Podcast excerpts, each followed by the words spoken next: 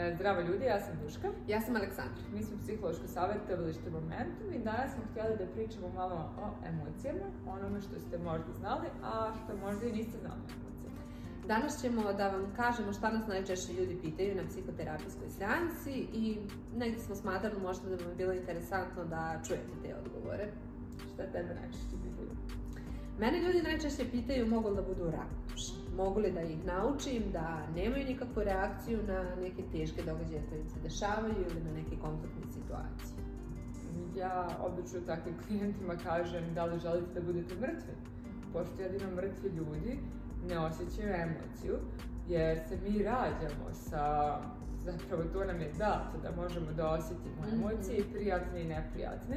I kao što vani nije stalno sunce, nego jedan dan je sunce, a drugi dan može da pada kiša, isto tako i naše emocije ne moraju da budu prijatne, nego kao što osjećamo prijatne emocije, moramo tokom života da osjetimo i neprijatne emocije. Tako je, možda ovaj, na neki način ovaj, u početku ljudi budu razočarani, što je to tako, ali vrlo brzo ta razočaranost pređe u neku motivaciju, jer postanu svjesni da imaju sposobnost i da mogu, da, ako nisu do sad ne znali, da mogu da nauče uh, da sve te neke bolne, teške ovaj, emocije koje su neprijatne. da imaju E, odnosno da mogu da nauče da imaju kapacitet da se suoče sa emocijama mhm. koje su neprijatne. Da. ljudi obično pitaju da li ću ja zauvijek da budem ovakav, što nije tačno, nećete zauvijek da budete takvi, ali, ćete ali neće ni nestati ta neprijatna emocija sama od sebe. Ljudi obično dođu na seansu, na psihoterapiju i mislim da više nikad neće loše da se osjećaju, da više nikad neće imati neku mm-hmm. emociju koja, koja im je problem, ali to nije tačno velika je vjerojatnost da će opet da se, da se osjećate i anksiozno i depresivno, ali ćete znati šta da radite tako je, tako je. Ne mora da kvalitet života bude smanjen ukoliko doživljavamo te neke neprijatne emocije. Hajde da ih ne stavljamo u taj koš da su neprijatne emocije loše emocije i da moramo da neki način da se ono borimo, rv, rvemo sa njima ovaj, da, bi, da bi preživjeli. Tako je. Šta je ono što tebe ljudi najčešće pitaju ovaj, kad dođu na seansu? A zašto ja? A zašto ne ja? A zašto ne ja? E, a zašto ja, zašto se ovo meni baš dešava. E, I zapravo mislim nema nekog, e, Zapravo, zapravo nemam neki odgovor koji je ono, neka velika, mudrost, ali sve što imam da im kažem u tom trenutku jeste da zašto ne ti, mhm.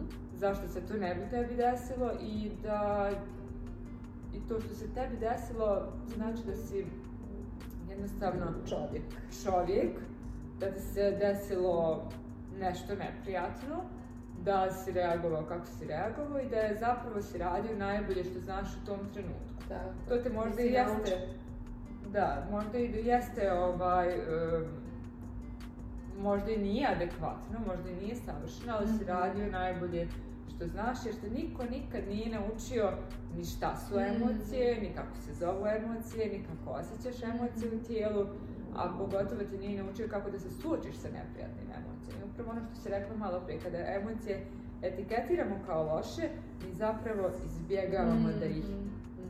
da ih e, osjetimo i mi e, generacijama učimo djecu i učimo ljude da je dobro osjećati se. Ne smijete osjećati ništa neprijatno i dobro je biti hladan i mhm. ravnodušan mm. i to je odlika e, uspješnih ljudi. Upravo, a mi ostali neuspješni smo vrlo emocionalni. Tako, ja moram onda sada priznati u stvari da sam i ja se nekad pitala zašto ja, ali onda sam ovaj, krenula i putem kojim sam krenula pa sam vrlo brzo naučila da zašto ne ja.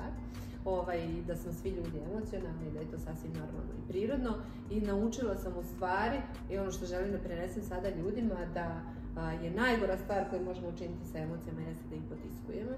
Najgora stvar koju možemo učiti da ih, e, e, uraditi jeste da ih izbjegavamo i na neki način da ih ne radimo ništa sa njima. Mhm. Jer svi mi imamo neku svoju granicu e, na do možemo to da radimo i kad ta granica ovaj, dođe i ovaj, jednostavno u tom trenutku, ono što kažemo, laički put da želimo da vam kažemo da zapravo bilo dobro da uradite nešto prije nego što dođete do te granice, odnosno da radite na sebi prije nego što dođete do granice A čak i ako dođete i to je sasvim Tako je.